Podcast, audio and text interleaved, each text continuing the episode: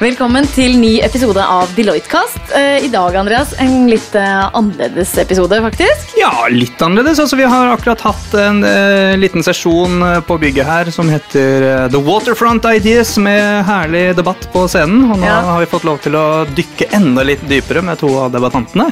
Debatten The Waterfront Ideas det er et samarbeid mellom Deloitte og Munch-museet. Sånn og det finnes er en serie debatter, så det kan mm. begynne med å si at det kan flere være med på å få med seg neste år. Men det handler ikke om kunst? Eh, nei, det, det er det ikke.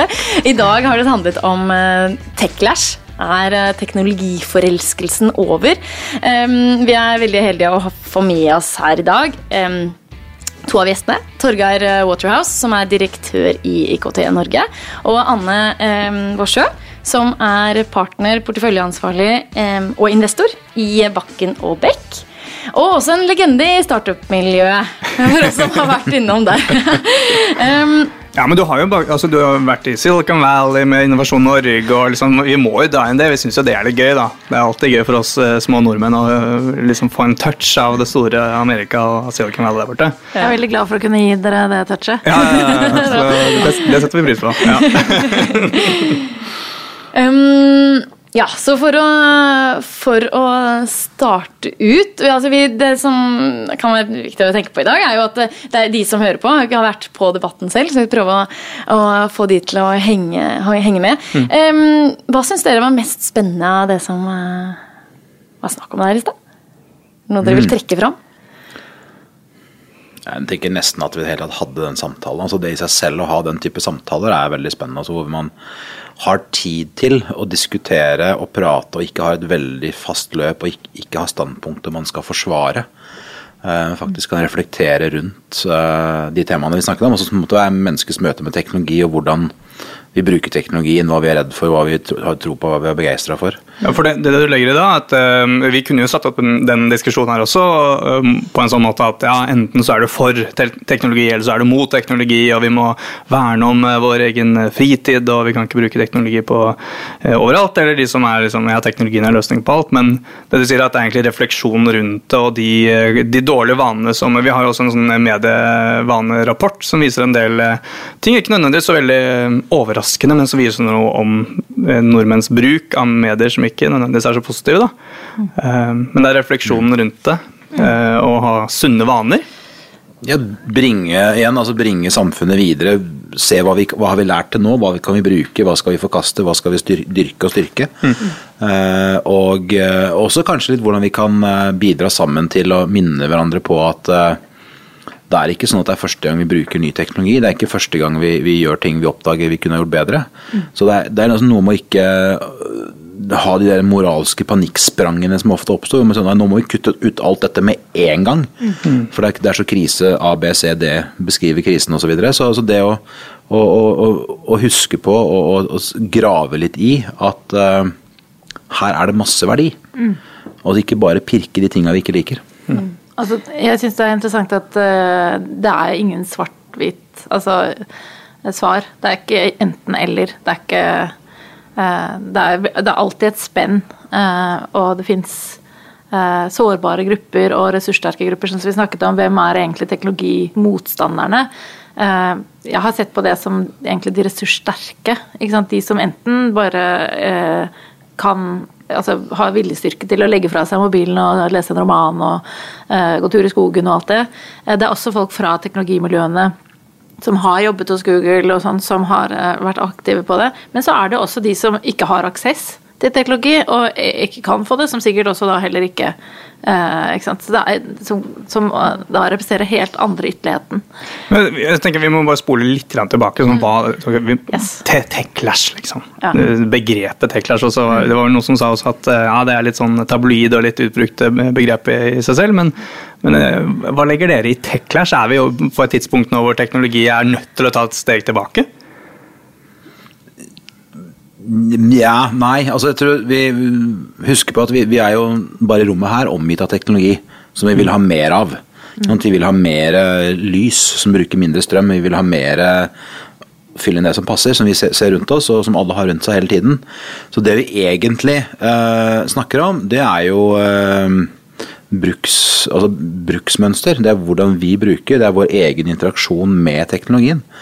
Og, og i Techlash-begrepet så, så, så, ligger det jo egentlig en, et forsøk på å beskrive at vi tar et steg tilbake. Så noen har snakket om altså, forelkelsen som er over og sånne ting. Men, men, men jeg tenker mer på det som uh, altså, vi erfarer. Man kunne egentlig kalt det tech learning istedenfor.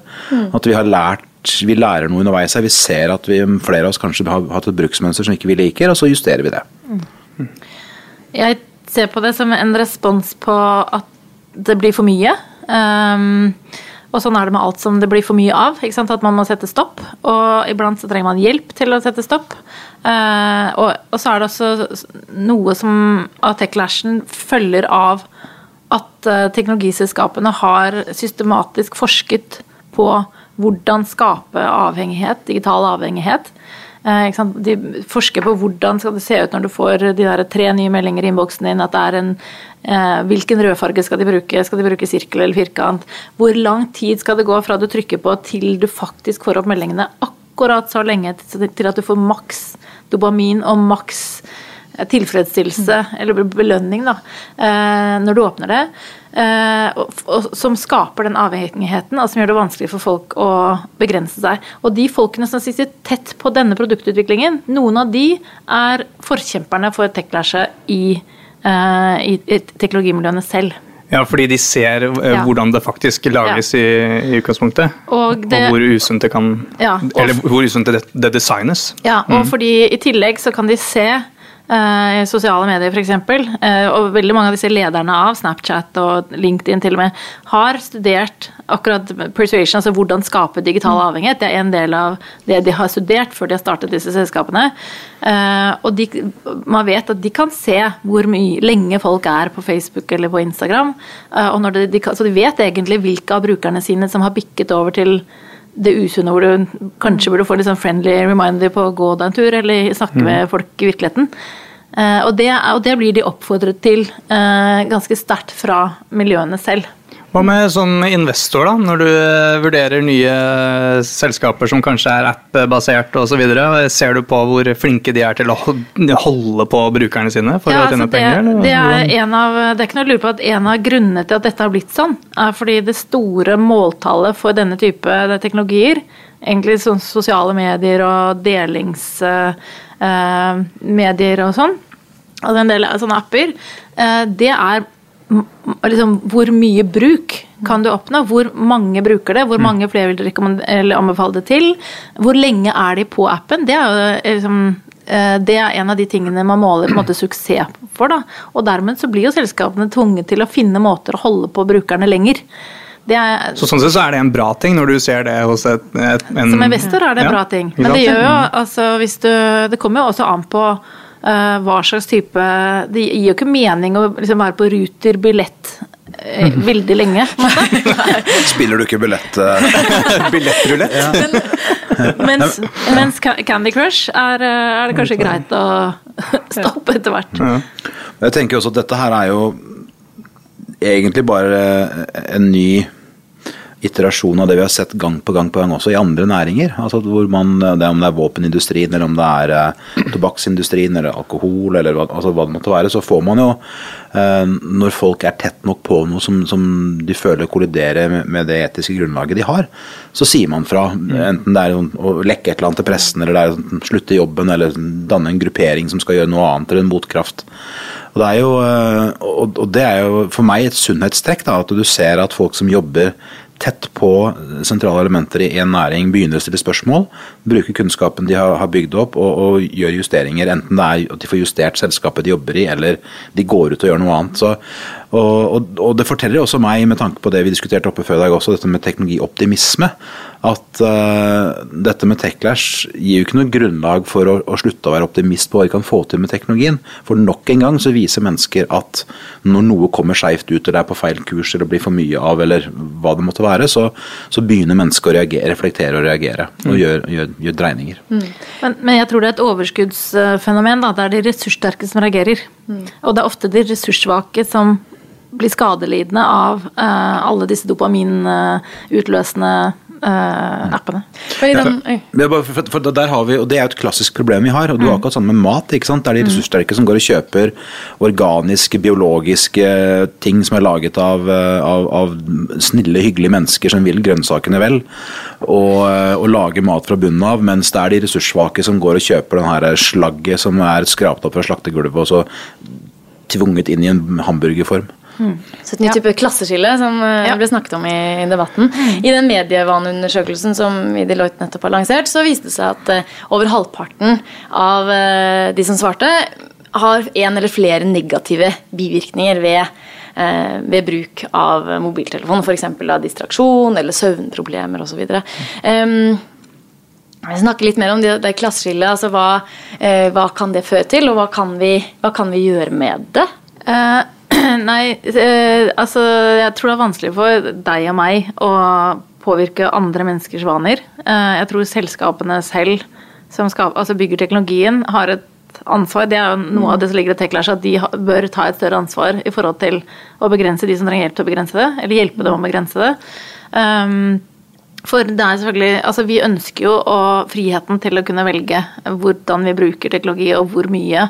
Men det er klart at hvis det, når man ser som produkteier at dette her er gått over i en eller annen veldig usunn eh, grenser til avhengighet, eller vil, dette vet vi at vil skape trøbbel for enkeltpersonene, det er akkurat som med spilleavhengighet, eh, så kan man så kan man, det er klart at da kan man eh, som produkteier faktisk gjøre noe med det. Og det er det ansvaret de nå presses til å ta i større grad. Det er på en måte nytt. Men, men blir de reelt presset til det? Altså, er det noen som kan stoppe dem? holdt jeg på å si? Her er, det, altså, ja. Er, det, er det aksjeholderne, eller er det reguleringer som skal til for at eh, ja, sånn som Facebook, altså to milliarder brukere, dikterer hele hva, hva samfunnsdebatten går ut på, og hvem som ser hva. Det, det, det påvirker samfunnet vårt, men hva Ja, altså De blir jo presset på mange områder på, i forhold til å endre algoritmer. og i forhold til liksom, altså Det var ganske store konsekvenser for Facebook etter Cambridge Analytica-skandalen. Akkurat det vi snakker om nå, så tror jeg det handler mer om det var, Men det var negativ omtale, men var det egentlig noen konsekvenser? Ja, det, det, Ja. var- det var det. Hvilke konsekvenser var det? da? Eh, Nei, de har måttet jobbe med algoritmene sine. De har ja. en helt annen type Det er mye lettere å varsle når det er fake um, profiler. Eh, der har jo f.eks. Twitter langt inn. Hvis du ser på sånn hashtag Norway, så kommer det opp masse sånne troll som sier uh, de mest ekstreme norske politikerne er uh, gudesendt, mens uh, røkla er bare liksom bad. De, mm. de har langt igjen med Facebook. Måtte ta et ordentlig krafttak og rydde på, på bakrommet sitt. Særlig den AI, kunstig intelligens-avdelingen. Mm. Men, men der handler det også mye om kombinasjonen av typer press og kombinasjonen av type erfaringer. For du har noen sånn som Cambridge-saken som var veldig tydelig ute i, i mediene sånn som det var, de vanlige mediene. Uh, eller vanligste, eller kanskje eldste. Um, og, eh, og så har du politikere som snakker om det, og så har du noen som snakker om å etterforske det, og så har du sånn som i USA med senatshøring. Eh, du har eh, investorer som begynner å mene noe, du har brukere som mener noe. Så, så det er summen av alt dette. Og så tenker jeg også at igjen, så er jeg tilbake til at det handler mye om å gjøre erfaringer. Vi, vi, vi kan jo alltid drømme om at mennesker skal være gode til å tenke ut det smarte sånn med en gang fra starten av. Men, eh, men igjen, da, hele den grunnen til at de har det, så lettere å rapportere fake news, grunnen til at vi nå har et, et norsk AI-selskap har samtaler med, med, med, med Brussel om å utvikle algoritmer for å avdekke fake news på europeisk nivå, og så er jo nettopp vi har hatt disse erfaringene. Og hvis vi igjen ser bakover historien, altså grunnen til at vi vasker hendene våre, er jo fordi at man har lært at smitte sprer seg hvis du ikke gjør det. mm. Grunnen til at vi har kloakk i rør i bakken, er at man skjønte plutselig at det var en sammenheng mellom kloakk som fløyt i gaten i London og folk som ble syke. Så det er også noe med å gi oss selv det, det, det handlingsrommet og og skal si, tilgi oss selv at vi trenger å gjøre noen erfaringer før vi ser hva som virker og ikke virker. Og så skal vi være klar over en ganske viktig utfordring for teknologiselskaper med det å introdusere sikkerhetsmekanismer og det å introdusere varslingssystemer. For du kan ha mye falske positive der også, hva folk begynner å varsle om, og, hvilken vei, hvilket utslag det kan få. Uh, og det er jo sånn, Jeg er litt usikker på om det er sant eller ikke, det er en historie jeg har hørt mange ganger. så det er jo ofte sånn at ting bare er myter. Eh, men eh, et, eh, et amerikansk bilselskap like etter krigen som, var, som la masse sikkerhetsutstyr inn i bilene. Blant annet så spratt frontruta ut ved kollisjoner, de hadde bilbelter og sånne ting. Og det slo tilbake. Fordi folk tolka det som at disse bilene var usikre siden de trengte sikkerhetsutstyr de andre ikke hadde. Mm. Så det er også et eller annet med den der, og, og det må times og treffe riktig. og vi må forstå kollektivt hva vi holder på med. Og, og hvis du ser den, den, saken, så det ble mye oppstyr rundt med Facebook i, i, Norge, og etter hvert spredde seg dette med dette napalmbildet. eh, hvor eh, det skulle vært antagelig veldig små justeringer på hvilket bilde dette var, før du hadde fått den motsatte reaksjonen. At de ikke var raske nok til å ta det ned. Mm. Så, så det, er sånn, det, er en umulig posisjon å være i på mange måter, for du har hele samfunnets altså bredde av forventninger og holdninger som, som presser inn fra utsiden. Også, sånn som man ser i Norge også, så, som nok er et element i hele tech-lashet, litt avhengig av hvilken tilnærming man har og leser om det, så, så gjør jo de vanlige eller tradisjonelle mediene alt de kan for å si at disse selskapene her er onde som ikke betaler skatt til Norge. Uh, men de følger bare de internasjonale skattereglene som våre politikere har laget med vilje for å kunne skatte hvor du vil. Så, mm. så, jo, så de blir også litt sånn skyteskive for mange ting i samfunnet vårt som ikke er tilpasset hvordan samfunnet har utvikla seg. Mm. Jeg lurte på sånn, i, i rollen som eh, IKT Norge, da, altså, hvilke bekymringer er det dere hører at organisasjoner har? og det er veldig mye forskjellig. Mm. Altså De siste, siste, månedene har vært veldig mye fokus på sikkerhet og jobba mye med sikkerhet. Mm. De har jo akkurat, eh, akkurat fått eh, en ny etterretningslov på høring som, hvor man snakker om å, å, å lage, eller fange data som passerer grensa for å kunne analysere i etterkant og finne spor etter hendelser og lære hva som foregår, hvordan vi er angrepet. Vi får ny sikkerhetslov i, som er rett rundt hjørnet. Et eget IT-sikkerhetsutvalg som skal levere en rapport til regjeringen. Det er jo ekstremt stor fokus på sikkerhet, personvern, GDPR og denne Ja, altså det er veldig, veldig mye av det. Og det er, mye av det er igjen også sånn læring av at vi har brukt teknologien litt for enkelt og litt for ubevisst. Det er litt den her eh, fra rapporten også med mm. hvor mange som, eh, som, rapporterer at de leser uh, hva heter det, terms uh, ja, før de klikker ja. Det er nesten 60% av de spurte da, i Norge som sier at de alltid, eller nesten alltid, aksepterer altså vilkårene uten å, uten å faktisk lese de. Mm. Jeg syns det var lavt tall. Ja. ja jeg syns også det var litt, lavt. Men 18, på andre siden så er det 18, 18 som sier at de alltid, eller nesten alltid, leser. Det tror jeg ikke noe på. Så jeg, jeg kan ikke skjønne det heller. I hvert fall ikke hele. Er selvrapportering. Hvis de sier at de leser i vilkårene, så kan jeg være med på det. Ja, jeg ville tro det er det. Det, altså, det er at de ikke leser i det hele tatt. Da. Ja, riktig. Men det, og det er klart at det er jo et av problemene vi har også, at du ser Um, veldig mange av vilkårene er jo skrevet med utgangspunkt i, i, rettspraksis i USA, sånn at juristene passer på at her har man skrevet alle de tingene man må skrive for ikke å kunne bli mm. tatt på noe. Som er litt à la dette her, jeg vet ikke om det er sant eller liksom myten om at uh, det står i bruksanvisninger i USA at du ikke skal ha dyr i mikrobølgeovnen. Ja. Altså, mm. Alle de tingene her sånn. Og det, uh, det er ikke sant. Ikke sant? Heldigvis. Takk. Så bra. Uh, men, men det vi trenger å gjøre, er å få fokus over på hva skal til for at folk skal lykkes med det. Hva er det de trenger å vite. Mm.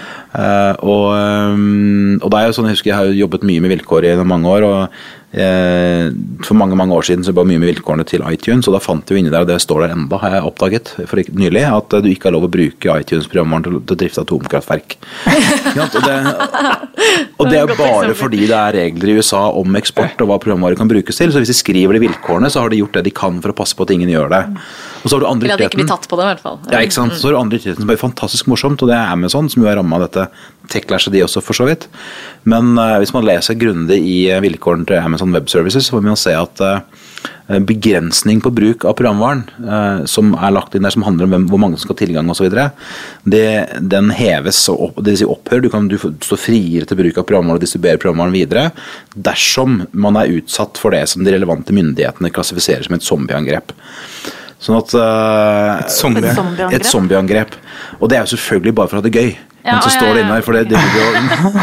Men som antagelig også er sånn ok, Hvor lenge står dette før noen ser at det står der? Ja. Det var ikke et fancy begrep på et eller annet at man tar over andres PC-er? Det var altså mennesker som er blitt zombier, så levende døde. Okay. Det, det, var en ting vi tok opp eh, oppe, med mm, å gå fra konsumer til produsent. Det syns jeg var litt interessant. Eh, at Én ting er at du blir avhengig som, som, konsumer, men det kan være noe positivt i det ved å være produsent. Hva, hva tenker du om det? Hva, hva? Her kan jo jeg skryte av Torgeir, mm. for jeg er blodfan av Kidsa koder. Og jeg tror det er utrolig, utrolig viktig når vi snakker, om, vi snakker ganske mye om dette her med barn og mobil i skolen, og legge fra seg mobilen i klasserommet. Eh, og det kan godt tenkes eh, kan være lurt og ikke lurt.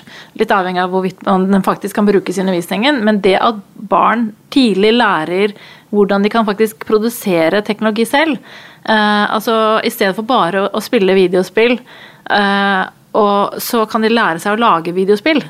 Da får du en helt annen, veldig konstruktiv og mer kontrollert og, og innsiktsfull forhold til teknologi, som jeg har veldig veldig sterk tro på. Det må jeg si uh, i Silicon Valley. At der bygde liksom Sønnen min bygde sin første computer da han var 13, bare for det mm. gjorde de, liksom. Ja, på skolen. Uh, ja, og lærte uh, Eller på fritiden. Det var sånn fordi det var gøy, Nei, det var på liksom. fritiden, liksom. ja. men det var jo de lagde, Det de hadde valgfag liksom, på ungdomsskolen, så lagde de en soldrevet olabil.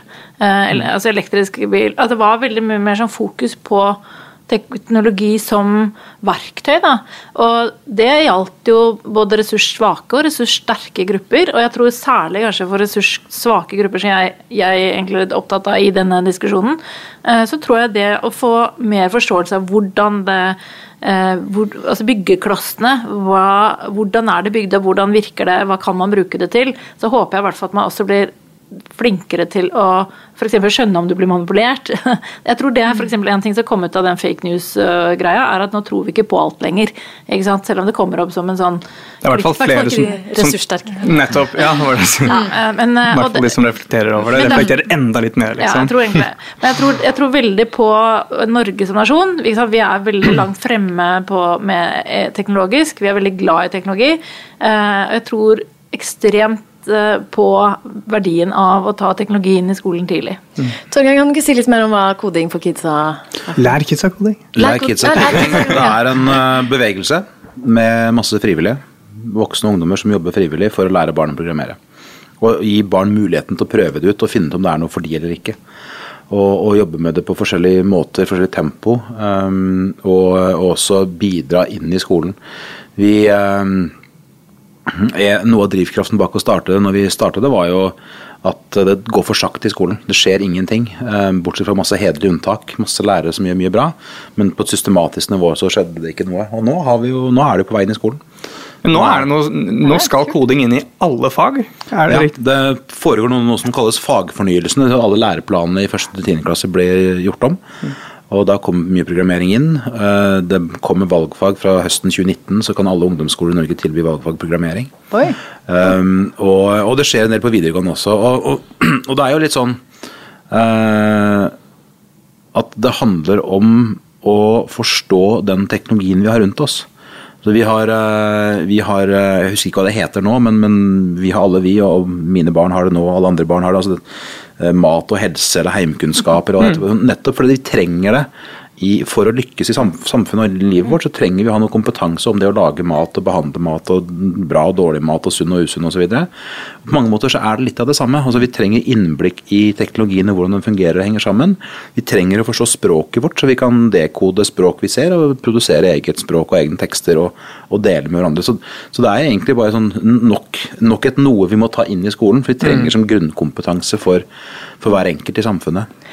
Eh, jeg, tror bare at, også, Jeg er veldig begeistret for programmering, men jeg tror det er veldig bra også at de får lodda litt og, og sånn også. Altså, mm. veldig, for veldig mange unger så er det mye morsommere når du også kan bygge noe fysisk, og så kan du kanskje programmere noe, og så får det til å bevege seg. Så får du en helt annen forståelse av hva teknologien brukes til. Da. Mm. Mm. Og Det er noe som er ganske viktig akkurat det der, som, også er, som vi har sett og som er kjempegøy. Det er når man bygger useless robots. Mm. For Veldig ofte når det kommer til teknologi, så starter folk med at ja, det må være noe viktig og noe verdifullt som skal bygges. Du må liksom løse en konkret oppgave. Men det er viktig å holde, beholde leken og beholde evnen og viljen til å eksperimentere. Det trenger ikke være de kan bare gjøre noe. Vi kan få en ting til å gjøre noe. Bare bevege på seg, eller en eske som spretter litt. Det, det, har ikke noe å si hva det er. Men det er nettopp det som sier både loddinga og det fysiske og programmeringen. Altså, å lære hvordan man kan bygge noe. Det er Lego pluss pluss. Det er én ting jeg lurer på, da, som, som, eh, som kan oppstå da, når uh, Vi har jo allerede ok, så vi har klasseskille, men vi har jo egentlig også kanskje et aldersskille da, mellom de som har vokst opp i dette. Vi, vi har snakket om digital natives i mange år, og det er også litt sånn utbrukt uh, begrep. Men, men uh, hvordan, hvis vi skal over på organisasjoner, da, hvordan ser dette her spille ut i organisasjoner? Får vi En annen ting som ble nevnt i debatten, var det at eller det var vel du som sa at ja, vi, vi er ikke på altså Vi voksne er ikke på de plattformene, vi er ikke på sosiale medier nok. Vi skjønner ikke godt nok. Hva skjer når vi tar i, gang, tar i bruk sosiale medier på arbeidsplassen da, for å få inn mer samarbeid? Som Slack eller Teams, og kanskje ikke de eldste på arbeidsplassen Facebook helt at work og, ja. er med. Jeg tror ikke det handler om alder, for å si det rett ut. Jeg tror, Nei. det handler om interesse og eksponering. Mm. Um, så, og det, de to henger jo sammen. Er du mm. interessert, så søker du deg til miljøer som, hvor du kan lære ny teknologi. Um, og jeg tror, altså Slack for eksempel, er jo veldig bygd opp etter eh, sosiale medieprinsipper. Eh, så det er veldig lett hvis du Nesten alle har jo vært innom Facebook, eh, og da, da lærer du deg fort Slack. Det, mm. det, er veldig enkelt å lære. Men jeg tror det, det Poenget med interesse er veldig viktig. Ja. Og det må føle behov for og føle at, at det gir verdi. Og, og, hvis vi klarer å bli bedre til å vise hver enkelt og synliggjøre for hver enkelt hvordan det kan være verdifullt for dem i det de driver med, så vil du også ha mye raskere uptake, Så da er det lettere for folk å komme i gang. Og, men, men, det er med dette som med så mye annet. Vi må forstå at det, blir, det vil være forskjeller i samfunnet. Men det er en forskjell på å kunne nok og ikke kunne noen ting. Mm. Uh, og, og, vi vil hele tiden garantert få tilbake disse elitestrukturene i samfunnet, hvor du har noen som, som, gjør ting på rett måte, kan noe, har tilgang på noe, eller ikke har. Mm. Og, og det er jo igjen uh, noe av det viktige grunnen til at man gjør dette riktig i skolen. Fordi Skolen i Norge har jo også som funksjon å fungere utjevnende mm. og gi alle muligheter. Mm. Og igjen, ref det med Like Kids og koding. for oss har jo noe motivasjonen vært at de skal få lov til å møte det og prøve og oppdage om det er noe for de selv eller ikke. Mm. Vi, vi, er ikke opptatt av at alle skal bli programmerere eller lære å programmere, men du skal få prøve deg litt fram. Akkurat som det er ingen som mener at alle barn på skolen lærer å skrive fordi at de skal bli forfattere eller journalister. Mm. Det er for du, du, trenger det til mye annet, og du trenger å forstå og trenger å få et innblikk i det. Mm. Hva med voksne? Er det noe lær voksne koding eh, ennå? Nei, vi, vi har noe litt, litt, greier for det, men når vi holder på med det, så er det mest for at de skal, vi lærer de å drive kodeklubber for barn, så de skal lære å hjelpe barn å lære. Men uh, jeg tror at, uh, at, vi trenger å leke mer med teknologi, mm. men vi er veldig fastlåst i noen mønstre. Og, og, det er jo sånn at det er veldig sosialt akseptert, både i privatliv og på arbeidsplass. Nei, dette skjønner ikke jeg, og det er så mm. vanskelig med teknologi og sånn.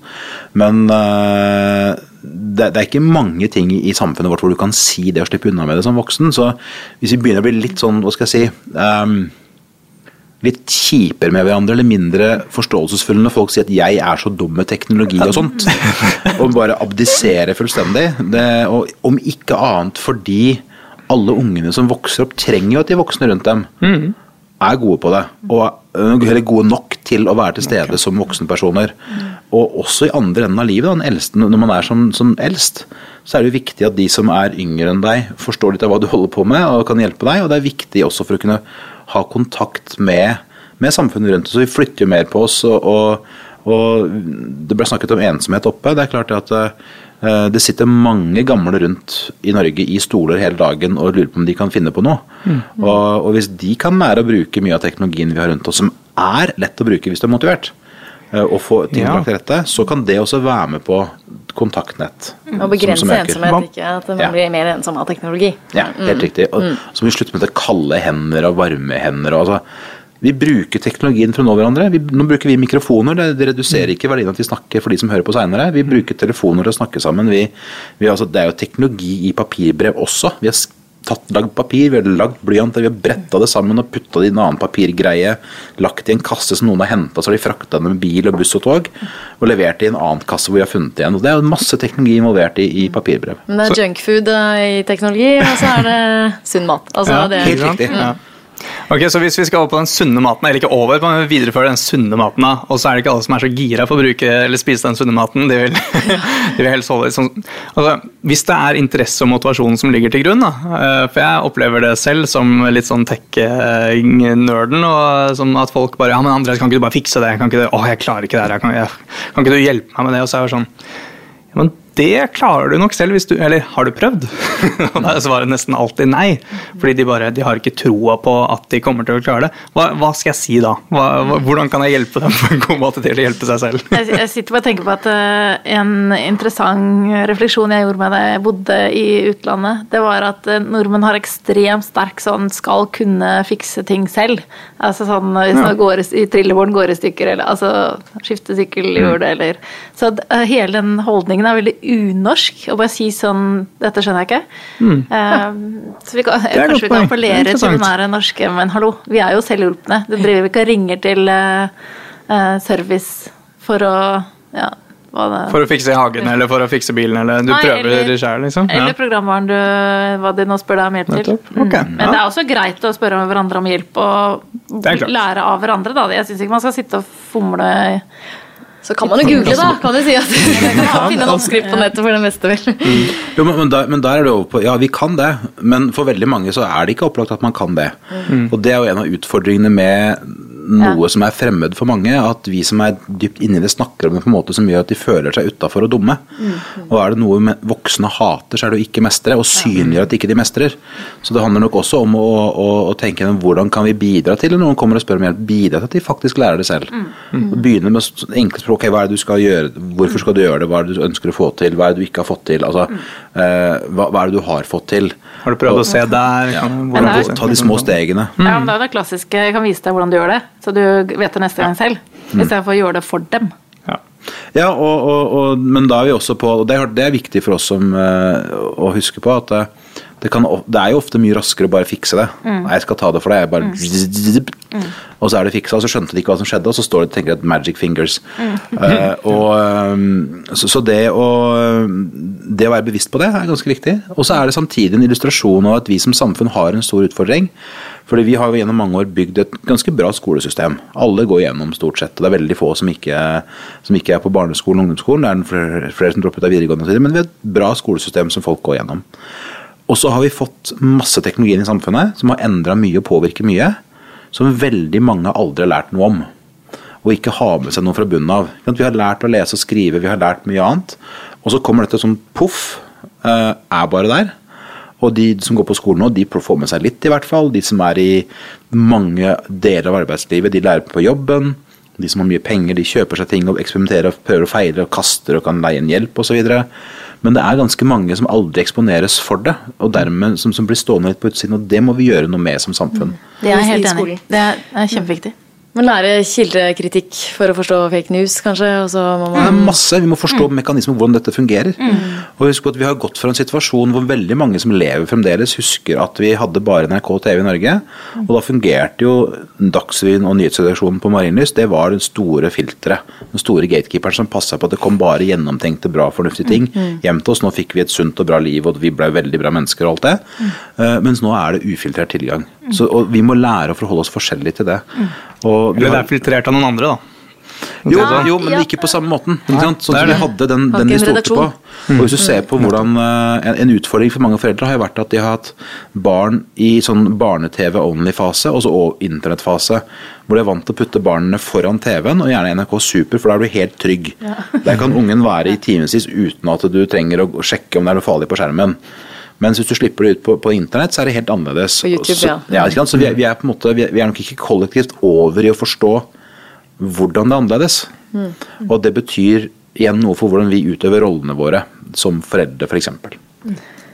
Jeg tenkte på en ting i forhold til eh, startup-biten og teknologioptimismen som har vært eh, rundt oss i lang tid. Er den eh, fortsatt like stor blant startupsene? Ja, ja. Ja, absolutt. Altså, de skal jo... fortsatt ut og løse, eh, redde verden med teknologien?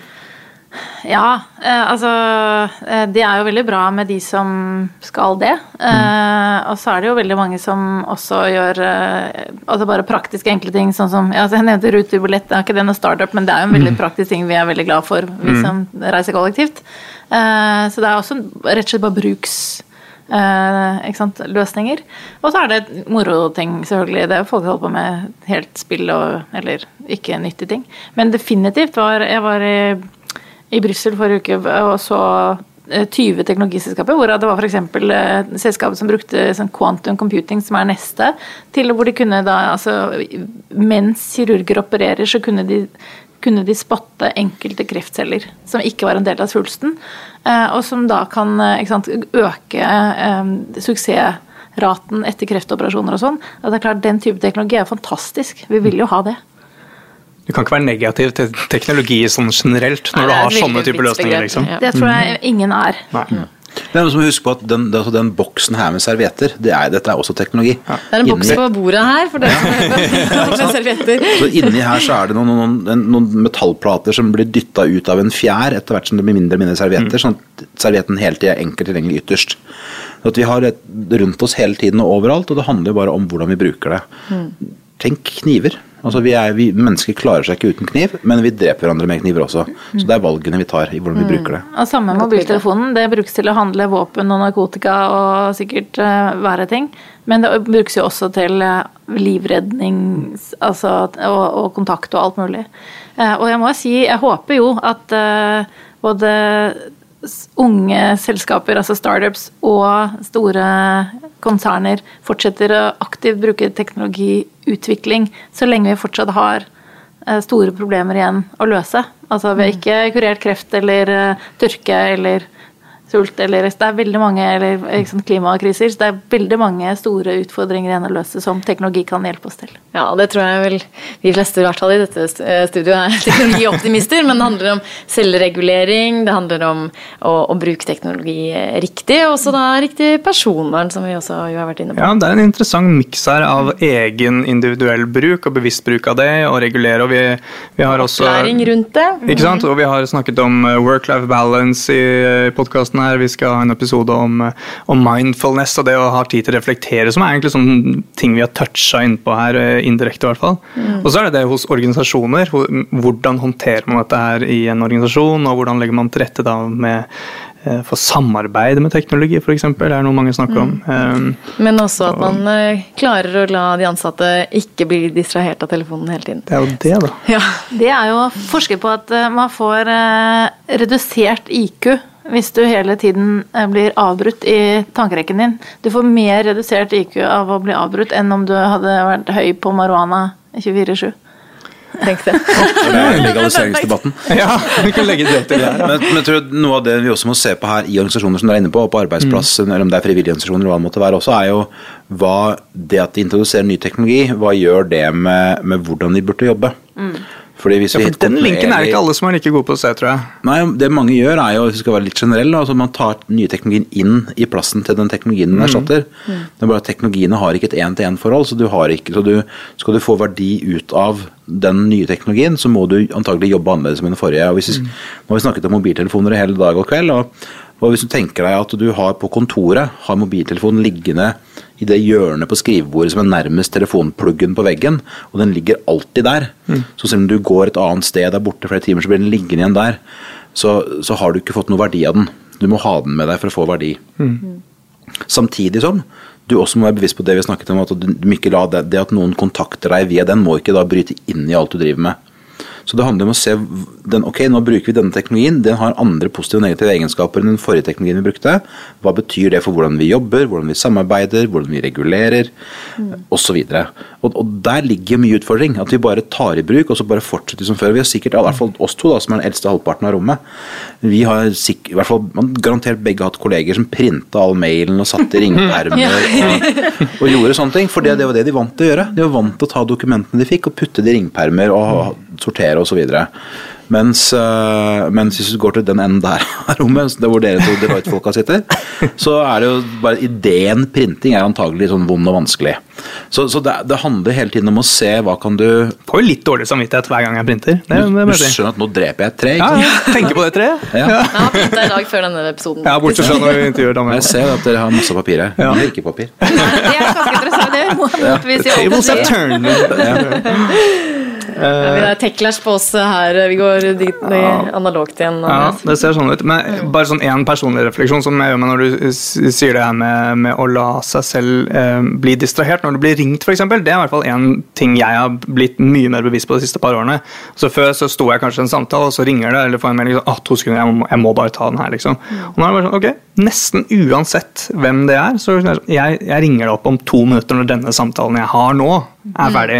Av respekt for den personen jeg snakker med, og av, av egen liksom, velvære. For de blir jo gærne av å hoppe fram og tilbake. Nå kan du jo faktisk se hvem som ringte. Da man hadde fasttelefon, ja, så kunne man ikke vite hvem det var. Så mm. måtte man eh, ta midt i middagen, eh, vær så god. Ja, og, og der, der, er jeg oppdaga noe interessant da. ikke sant? Det er stadig flere som har smartklokker, eller såkalte smartklokker. Ja. uh, og noe av det fine, og jeg som bruker det, og noe av det fine med det, er, synes jeg, at jeg kan se på den hvem som ringer. Uh, kan la telefonen ligge osv. Du kan se mer. Altså det er en lettere måte å skrine på uten å bryte inn den sosiale settingen man er en del av. Og, og Sånn vet jeg det er flere som tenker og opplever det. Uh, det jeg kan se hvis det er en av barna mine at ok, det, det må jeg ta nå hvis de ringer midt på dagen når de egentlig er på skolen. så det er et eller annet. Uh, men så er det også sånn at noen opplever jo det som mye mer støyet i en sosial prosess, har jeg lært, mm. enn, enn å plukke opp telefonen. Mm. Fordi det ser ut som du har dårlig tid. Ja. Ja. Altså, du skal ut av konteksten. Mm. Mens det jeg da egentlig driver med, er bare å se verifisere at jeg trenger ikke avbryte situasjonen. Mens noen av de jeg er sammen med, opplever det som at jeg ser på klokka fordi jeg egentlig tenker at jeg ikke har tid til å være sammen med akkurat de. Det er gamle assosiasjoner, rett og slett? Ja, så Det handler om å forstå hverandre og forstå mm. menneskelig interaksjon rundt teknologi, og hvordan den påvirkes av mm. uh, de den måten vi bruker teknologi på. Du kan jo se på klokka og late som du sjekker det òg. det er mye forskjellig som kan foregå her. Etter hvert så har man de glassene glasset ved de, i linsene, så trenger man ikke se det på Ja, men du ser når du, blir sånn, når du bare sånn du mister fokus på den du snakker med, hva du ser på innsida av linsa. det blir... Dette for meg blir sånn veldig dystopisk. Det var et tema som kom opp eh, i debatten om uh, gjort forska på mødre som ikke så, hadde øyekontakt med barna når de skiftet bleie og sånn. Ik ikke mm. vet jeg helt hvordan det i praksis foregår. Du uh, ja, altså, Jeg skifter mange bleier på om dagen. Jeg har ikke Har du øyekontakt? Jo, jeg har. Det er greit å ha kontroll på barnet. Men, men, det er veldig dystopisk. Jeg tror, jeg tror jeg tror det, for å være helt ærlig, er vondt for å tro at det er et stort samfunnsproblem. Mm. Ja. Du får ikke firkanta eiendom på TV heller, men det hørte vi jo helt tiden når vi vokste opp. Ja. Men det kan hende at det er noe med at man kan se noen klasseskiller utvikle seg der òg, med hvem som klarer å se på barna sine og ikke på telefon. Det, mm. det som vi i hvert fall vet, er at uh, dette dopaminet uh, som, uh, vi, hvor vi får veldig sånn instant gratification, som det heter, når du får sjekket meldingene som du bare må sjekke, mm. at det gjør noe med oss også i virkelig liv. At vi får kortere lunter, blir mer utålmodige, vi ønsker at ting skal gå fortere. Vi, og, og, det gjør jo noe med hvordan vi forholder oss til hverandre som mennesker. Mm. Og hvordan vi ender å konsentrere oss kanskje om oppgaver og sånne ting. Også. Det tror jeg. Mm. Det er spennende tema det her. Ja, ja altså, Jeg plukka opp noe som var antagelig litt anekdotisk i går. Det var et temamøte på, på en skole der jeg bor, om, og det var politi, og det var ungdomsklubben, og det var rektorer, og det var sånn vold og rus som var tema, blant annet. Så alvorlige ting. Men det som ble sagt der, litt sånn innimellom, var at uh, den, det bildet vi har hatt nå i flere år av liksom, generasjon perfekt, eller generasjon ivrig, eller generasjon lydig, mm. Hva det nå enn har blitt kalt, at det er i ferd med å snu litt. Uh, og at uh, det er et mye tøffere samtaleklima. Og det har jeg liksom begynt å tenke på, om Kan det være noe sammenheng på noe vis? Altså Det at mange er blitt vant til kjappe, korte meldinger, uh, og som du sier, at man er mer utålmodig osv. Det kan ha begynt å prege hvordan vi snakker sammen, altså menneske til menneske. Og i, når vi bare er mennesker der, eller ikke. Umulig å vite. Eller det er ikke umulig å vite, men jeg vet ikke. Og, um, og, så tenker jeg at hele tiden så handler nettopp sånne ting om å følge med på hva som foregår. Mm. Og, og, selv om, og det ble også snakket om om vi har forskning på dette, om man har empiri på dette osv. Det er veldig mye vi aldri kommer til å ha det på, og hvor vi kan følge med og justere og prøve ut og teste ut underveis. Mm. Så det går jo f.eks. an, da, ikke sant? som jeg har prøvd å fortelle mine unger, at du kan legge telefonen. Hvis du må ha den nære for å slappe av, så kan du legge den med skjermen ned. Den er like nære, men du blir ikke forstyrra av meldingene i øyekroken hele tiden. Så det er en del sånne enkle ting vi kan gjøre, som også bidrar til at vi bruker teknologi på en annen måte. Kanskje det kommer inn i undervisningen eh, etter hvert. Ja, det må inn i... Da må vi ikke hive telefonen ut av skolen. Nei, da, må vi, da, da, må vi, tenke at dette er en del av læringen, og særlig tilbake til det med klasseskillet. Hvordan passer vi på at alle ungene som er der, får den samme gode grunnlaget som de selvfølgelig vil bruke forskjellig, og utvikle seg forskjellig fra, men at de, at de har med seg den nødvendige basen. Ja. når de kommer ut av skolen. Så kjære lyttere, koble dere på mobilforbud-debatten der. Ja, Eh, og skoleledere der ute. Ja, ja. Ja, ikke enda minst. mer på. Ja, for de løser problemet ved å bare dytte det fra seg. Og jeg hadde en, en samtale med en rektor eh, for to, tre, fire år siden om eh, støy fra mobiltelefoner. Altså, denne rektoren ønsket å, å få mobilene ut av skolen, for det var så mange elever som spilte høy musikk med de i, i friminuttene inne, inne. Og så spurte jeg om de ikke hadde regler mot støy inne på skolen. Jo, det hadde de. Det, men da er vel problemet egentlig løst, da. For det, det er jo ikke om, viktig om det kommer fra en tromme eller fra en telefon eller fra en, en stemme eller en gitar. Altså, det er støy, ok, men da kan du ta det den veien. Du trenger ikke gjøre noe med mobiltelefonen. Men, men vi har kanskje en tendens til å se på det siste, det nyeste, som at det er det som er problemet. Og ser vi på mediehistorien, så har vi jo sett eksempler på tegneserier som ble beskyldt for å gjøre barn til kriminelle. Vi har sett uh, videre, ikke sant. Det er, det er liksom den siste greia som har skylda i seg selv, ikke menneskets bruk av det. Ah, det her er utrolig spennende. Det er vanskelig å runde av, men vi må vel nesten det, Andreas? Jeg tror vi er nødt til det, men vi har vært innom mye spennende, og til og med litt, litt utdanning her også, som jeg tror er det er viktig perspektiv å ha med inn i denne debatten her. Så tusen takk for at dere to kom hit til oss i dag. Tusen takk for at vi fikk komme. Takk for at vi fikk komme. Veldig, veldig trivelig. Og ja, dere der ute som hører på, så kommer årets siste episode kommer rett før jul, og da blir det litt mindfulness der, og litt growth mindset, og hvordan sette av tid til refleksjon, og, og, og bli mer bevisst på de tingene der. Så det blir spennende. Det blir spennende. Før den tid så kan man jo lese denne Medievaner-rapporten, som er veldig spennende. Det er mye snacks eh, i, knyttet til temaet her. Mye deilige snacks der. Ja. Ja. Nei, så Som vanlig, del gjerne med venner og kjente om du ønsker det. Og ellers så håper vi du får en fin uke og måned til neste gang. Så takk for nå, og Vi høres. høres.